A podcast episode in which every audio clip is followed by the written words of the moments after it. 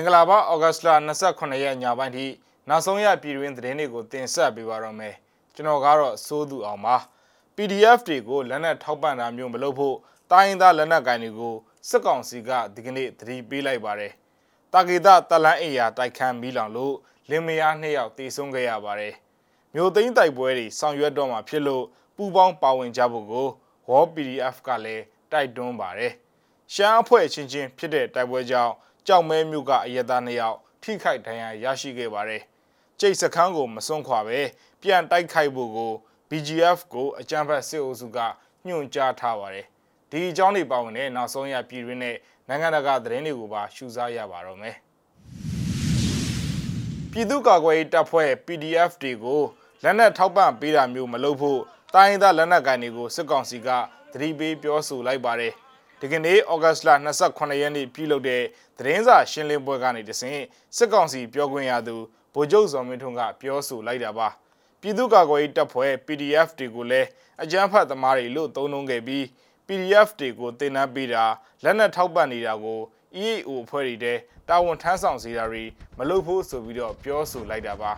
နိုင်ငံတော်တာဝန်ကိုရေရှည်ရယူထားမှာမဟုတ်ကြောင်းကိုလည်းပြောခဲ့ပြီးစစ်တပ်ကလုပ်ပေးမဲ့ပါတီစုံဒီမိုကရေစီရွေးကောက်ပွဲကိုယုံကြည်ပြီးကူညီကြဖို့ကိုလည်းတိုက်တွန်းခဲ့ပါတယ်။လက်ရှိမှာတော့အကြမ်းဖက်စစ်တပ်ရဲ့ခေါင်းဆောင်ဖြစ်တဲ့ဗိုလ်ချုပ်မူကြီးမေအောင်လှိုင်ဟာနိုင်ငံတော်ဝန်ကြီးချုပ်တာဝန်ကိုရယူထားတာလည်းဖြစ်ပါတယ်ခင်ဗျ။ရန်ကုန်တိုင်းဒေသကြီးတာကေသားမြို့နယ်30တောင်12ရက်ကွက်ရတနာလန်းရှိတလန်းအင်ယာရဲ့လေးလွာမှာ မီးလောင်ကျွမ်းမှုဖြစ်ပွားရာနေအိမ်မှာနေတဲ့လင်မယားနှစ်ယောက်လုံးတေဆုံးခဲ့ရပါတယ်။ရင်းအခန်းမှာနေထိုင်တဲ့ဇနီးမောင်နှံမှာအမျိုးသမီးဖြစ်သူကိုရေချိုးခန်းမှာတေဆုံးလျက်တွေ့ရှိရပြီးအမျိုးသားဖြစ်သူကိုတော့အိတ်ခမ်းအတွင်းမှာတေဆုံးလျက်တွေ့ရကြောင်းထိုးအိမ်ယာမှာနေတဲ့သူတယောက်ကပြောပြပါတယ်။လင်မယားနှစ်ယောက်လုံးဆုံးသွားတာလို့အဆိုပါသတင်းရင်းမြစ်ကပြောပါတယ်။မိကတော့တအားမများဘူးပောက်ကွဲတန်တော့ကြားရတယ်။ တာဂီတာမြို့နယ်မိသက်ကားလေးစီးလာပြီးတော့နှိမ်သွားပါတယ်လို့သူကဆိုပါတယ်။မီးလောင်မှုဟာဒီကနေ့ဩဂတ်စ်လ28ရက်ညနေ9:45မိနစ်မှာစတင်ဖြစ်ပွားခဲ့တာဖြစ်ပြီး6နာရီခွဲလောက်မှာတော့မီးငိမ့်တက်နိုင်ခဲ့ပါတယ်။မီးငိမ့်ပြီးနောက်ပိုင်းမှာတော့ထိုးအိမ်ရအတွင်းမှာစစ်ကောင်စီတပ်သားတွေရောက်ရှိလာကြောင်းကိုလည်းအနီးနားမှာနေတဲ့သူတွေကပြောပြပါရခင်ဗျ။ကြောင်မဲမြို့နယ်မှာ RCSS နဲ့ SSPB TNND ပူးပေါင်းတပ်ဖွဲ့တို့တိုက်ပွဲအတွင်းအရက်သား2ယောက်ထိခိုက်ဒဏ်ရာရရှိခဲ့ကြောင်းသိရပါဗျ။ဩဂတ်စ်လ26ရက်ကလွဲကုန်ကြီးရွာနာမှာဖြစ်ခဲ့တဲ့တိုက်ပွဲအတွင်းအရက်သားအမျိုးသားတယောက်တနတ်ထိမှန်ကနောက်တစ်ယောက်ကတော့မိုင်းထိဒဏ်ရာရရှိခဲ့တာလို့စစ်ရှောင်းတွေကိုကူညီပေးသူတယောက်ကပြောပြပါဗျ။ဒဏ်ရာရသူနှစ်ယောက်ဟာအသက်40နဲ့50အရွယ်အမျိုးသားတွေဖြစ်ကြပြီးအသက်အန္တရာယ်မစိုးရင်ရပေမဲ့စေကူသားမှုခံယူနေရဆဲဖြစ်တယ်လို့ဆိုပါတယ်။ တိုင်းဒေသလက်နက်ကင်တပ်ဖွဲ့တွေဖြစ်တဲ့ RCSS နဲ့ SSPB TNN တို့ဟာနယ်မြေပိုင်ဆိုင်မှုအငင်းပွားတာကိုအကြောင်းပြပြီးကြောက်မဲမြို့နယ်မှာ2019ခုနှစ်တည်းကတိုက်ပွဲတွေစတင်ဖော်ဆောင်လာခဲ့တာဖြစ်ပါတယ်။ဩဂတ်စ်လထဲမှာတော့တိုက်ပွဲပုံမှုပြင်းထန်လာပြီးအရက်သားတစ်ထောင်ကျော်နေရဆွန့်ခွာထွက်ပြေးနေရပါတယ်။တိုက်ပွဲကြောင့်လူနေအိမ်တွေလည်းပျက်စီးခဲ့ရပြီးအသက်မိုးဝမ်းကြောင်းလုပ်ငန်းတွေလည်းထိခိုက်နေတာကြောင့်တိုက်ပွဲတွေရပ်ကြဖို့ကိုစစ်ရှောင်တွေကတောင်းဆိုနေကြပါတယ်ခင်ဗျ။ ကြာရင်စစ်ကြီးမြို့နယ်ကြိုက်တုံမြို့နယ်ခွဲကြိတ်ရွာမှာရှိတဲ့ BGF တပ်စခန်းတစ်ခုကိုစွန့်ခွာမသွားဘဲ KNL ကိုပြန်တိုက်ဖို့အကြမ်းဖက်စစ်အုပ်စုကညွှန်ကြားထားတယ်လို့ဒေသခံမီဒီယာတစ်ခုဖြစ်တဲ့ကလိုအဖန်ကဖော်ပြပါရယ်အာနာသိန်းအကြမ်းဖက်စစ်အုပ်စုရဲ့အရှိတောင်တိုင်းစစ်ဌာနချုပ်တိုင်းမှုဖြစ်တဲ့ဗိုလ်ချုပ်ကိုကိုမောင်ကကြိုက်တော်မျိုးအခြေဆိုင်ကရင်နေကြဆောင်တက်တစ်တုံညာနှစ်သုံးတရင်ကောင်းဆောင်ဘုံ မူကြီးစောတော်တော်ကိုစစ်ရေးအသင့်ပြင်ဆင်ခိုင်းလာပြီးကျိတ်စခန်းကနေစွတ်ခွာမသွားဖို့ပြန်တိုက်ဖို့ပြောဆိုထားတယ်လို့ BGF နဲ့နီးစပ်သူတယောက်ရဲ့ပြောပြချက်ကိုကိုးကားပြီးဖော်ပြတာပါမနေ့ကနေ့လယ်မှာတော့ကြိုက်တုံမျိုးကျိတ်ရွာမှာရှိတဲ့ BGF နေကြားဆောင်တပ်ဖွဲ့တွေကတနက်ပစ်ဖောက်ခဲ့ပြီးပြည်သူတွေကိုခြောက်လန့်မှုတွေလှုပ်ဆောင်ခဲ့ပါတယ်ဘယ်သူမှတက်လာတာမရှိဘူးရွာထဲမှာသူတို့ကြီးပဲတနက်တွေပြစ်ဖောက်နေကြတာလို့ ဒေသခံတယောက်ကပြောပြပါတယ်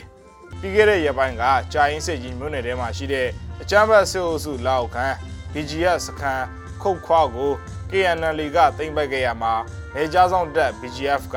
ပြန်လည်ခုခံမှုမပြုဘဲအသာတကြီးပြန်လည်ဆုတ်ခွာပေးခဲ့ပါသေးတယ်ခင်ဗျာမကြာမီကာလအတွင်းမြို့သိမ်းတိုက်ပွဲတွေဆင်နွှဲတော့မှဖြစ်လို့အချိတ်အဆက်မမိသေးတဲ့လက်နက်ကင်အဖွဲ့အစည်းတွေနဲ့စစ်ကောင်စီတပ်သားတွေကို လာရောက်ပူးပေါင်းကြဖို့ဖိတ်ခေါ်ကြောင်းဝေါ်မြို့နယ် PDF ကထုတ်ပြန်လိုက်ပါတယ်။အချမ်းဘတ်စစ်ကောင်စီလက်အောက်မှာတာဝန်မထမ်းဆောင်လို့တဲ့စစ်သားနဲ့ရဲတပ်သားတွေအနေနဲ့မိမိတို့ရဲ့ PDF အဖွဲ့နဲ့လာရောက်ပူးပေါင်းနိုင်ကြောင်းဖိတ်ခေါ်လိုက်တာပါ။ဆီယနာရှင်ကြာဆုံးရေးနဲ့တရားဥပဒေစိုးမိုးရေးအတွက် UNG အစိုးရတိုင်းဒေသလက်နက်ကိုင်အဖွဲ့တွေတိုင်းခရိုင်ပြည်သူ့ကာကွယ်ရေးတပ်ဖွဲ့တွေအပြင်အနီးပတ်ဝန်းကျင်မြို့နယ်တွေက PDF တွေနဲ့လည်းချိတ်ဆက်ထားကြောင်းပြောပါရယ် တိုက်ပွဲဖြစ်ပွားပြီးဆိုရင်ပြည်သူတွေရဲ့လုံခြုံရေးကို PDF တပ်ဖွဲ့ဝင်တွေကတာဝန်ယူပေးမှဖြစ်ပြီးအချိန်တိုအတွင်းမြို့တွင်းတိုက်ပွဲပြီးဆုံးနိုင်ရေးအတွက်စစ်ကောင်စီရဲ့လှုပ်ရှားမှုသတင်းတွေကိုအချိန်မီသတင်းပေးဖို့ကိုလည်းမေတ္တာရက်ခံထားပါသေးတယ်ခင်ဗျာ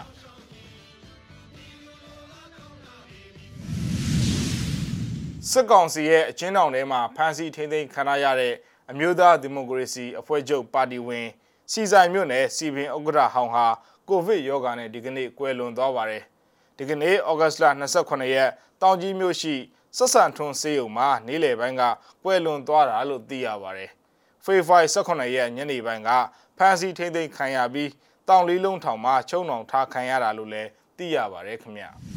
။လူယုံမာတွေကိုဘယ်တော့မှဥမညွန်ဘူးဆိုတော့ကြွေးကြော်တန်းတဲ့အတူမန္တလေးတန်ကတမကတပိတ်စစ်ကြောင်းဟာဒီကနေ့မှလည်းဆက်လက်ချီတက်ဆန္ဒပြခဲ့ကြပါတယ်။ တန်ကားတပိတ်ဟာဆေးရနာရှင်ကိုနေ့စဉ်မပြတ်တော်လန်လာတာအခုဆိုရင်ရန်နေရပြည့်မြောက်ခဲ့ပြီလည်းဖြစ်ပါတယ်။ဆန္ဒပြဆရာတော်တွေဟာပြည်သူလူထုဘေးကင်းစေဖို့လဲစုတောင်းမြတ်တာပို့တာတွေပြုလုပ်ခဲ့ပါသေးတယ်ခင်ဗျ။တော်ရဲတော်ရဲစုရနာရှင်ကြောင့်ဆောင်ရဲတော်ရဲတော်ရဲဆရာနာရှင်ကြောင့်ချောင်းရဲတော်ရဲတော်ရဲစီရီယံကိုကူညီရဲတော်ရဲတော်ရဲမနယူကြီးကိုထောက်ခံရဲတော်ရဲတော်ရဲထောက်ခံရဟာ လောချင်းလက်ဒီမိုကရေစီဟာသူတွယ်လက်ဒီသူတွယ်လက်ဒီလူရဲ့ဒီရလက်ဒီရဒီရလောမရှိလောမရှိလူသားဓမ္မစစ်ကောင်စီလောမရှိလောမရှိဝေဆရမစစ်ကောင်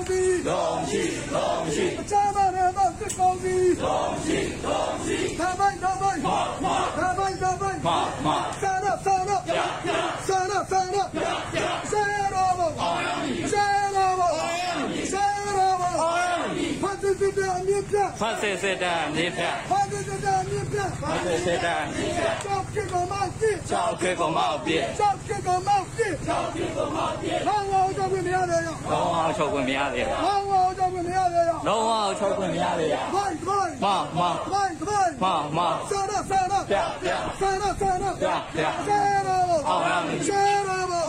ဆရာဘောအောင်ရမည်ဟာတာဘီတော်တို့ဒီဆောင်ရဲ ဆက်လက်ပြီးတော့နိုင်ငံတကာသတင်းတွေဘက်ကိုလှည့်ရအောင်ပါ IS အဖွဲ့ရဲ့ကဘူးလေစိတ်အသေးခံဘုံခွဲမှုကြောင့်လူဒါဇင်နဲ့ချီပြီးတော့တေဆုံးခဲ့ရပါတယ်ဗီဒီယိုဖိုင်ကိုလည်းကြည့်အောင်ပါ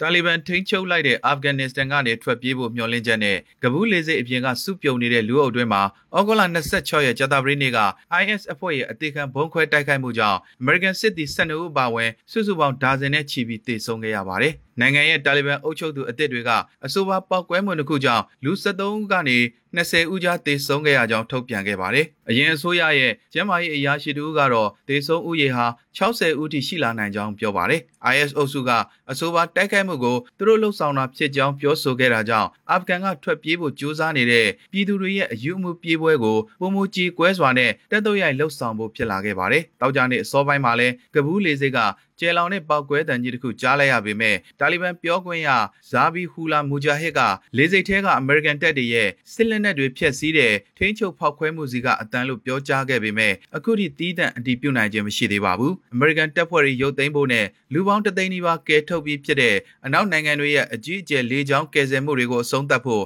နောက်ဆုံးရက်အဖြစ်သတ်မှတ်ထားတဲ့ဩဂုတ်လ31ရက်နီးလာတာနဲ့အမျှအဆိုပါပောက်ကွဲမှုတွေဖြစ်ပေါ်လာခဲ့တာဖြစ်ပါတယ် ဒါဟာအာဖဂန်အကြက်အတဲကြောင့်2011ခုနှစ်နောက်ပိုင်းအာဖဂန်နစ္စတန်မှာအမေရိကန်စစ်သည်တွေအများဆုံးသေဆုံးရမှုဖြစ်ကြောင်းသူ့ရဲ့သမ္မတတပ်တန်းအတွင်းအကြီးမားဆုံးဖြစ်တဲ့အာဖဂန်အရေးနဲ့ပတ်သက်ပြီးသမ္မတဂျိုးဘိုင်ဒန်ကနိုင်ငံကိုမိန့်ခွန်းပြောကြားခဲ့ပါတယ်။ဩဂုတ်လ15ရက်တာလီဘန်တွေအာဏာပြန်ရပြီးနောက်ပိုင်းနိုင်ငံခြားတပ်တွေထိန်းချုပ်ထားတဲ့တခုတည်းသောနေရာဖြစ်တဲ့ကဘူးလေးစိတ်ကိုလူပေါင်းများစွာဟာဘေးလွတ်ရာထွက်ပြေးဖို့ရည်ရွယ်ချက်နဲ့စုယုံရောက်ရှိလာခဲ့ကြပါတယ်။ ပောက်ကွဲမှုတစ်ခုကြောင့်လူ73ဦးကနေ20ဦးထိသေဆုံးပြီး52ဦးဒဏ်ရာရရှိခဲ့တယ်လို့မူဂျာဟစ်က AFP ကိုပြောပြီးကဘူးစေးရုံရဲ့ထုတ်ပြန်ချက်အရ6ဦးသေဆုံးပြီး90ဦးဒဏ်ရာရရှိခဲ့တယ်လို့ဆိုပါတယ်။အရင်အစိုးရရဲ့ကျန်းမာရေးအရာရှိတူကလူ60လောက်သေဆုံးနိုင်ကြောင်းနဲ့ဘသူဘဝတွေဆိုတာအသေးစိတ်အတိမပြုတ်နိုင်သေးဘူးလို့ဆိုပါတယ်။ American စစ်သည်12ဦးကြာဆုံးပြီး15ဦးဒဏ်ရာရရှိခဲ့ပြီးအရေးအတွက်အတိမပြုတ်ရသေးတဲ့အာဖဂန်လူမျိုးတွေလည်းသေဆုံးခဲ့တယ်လို့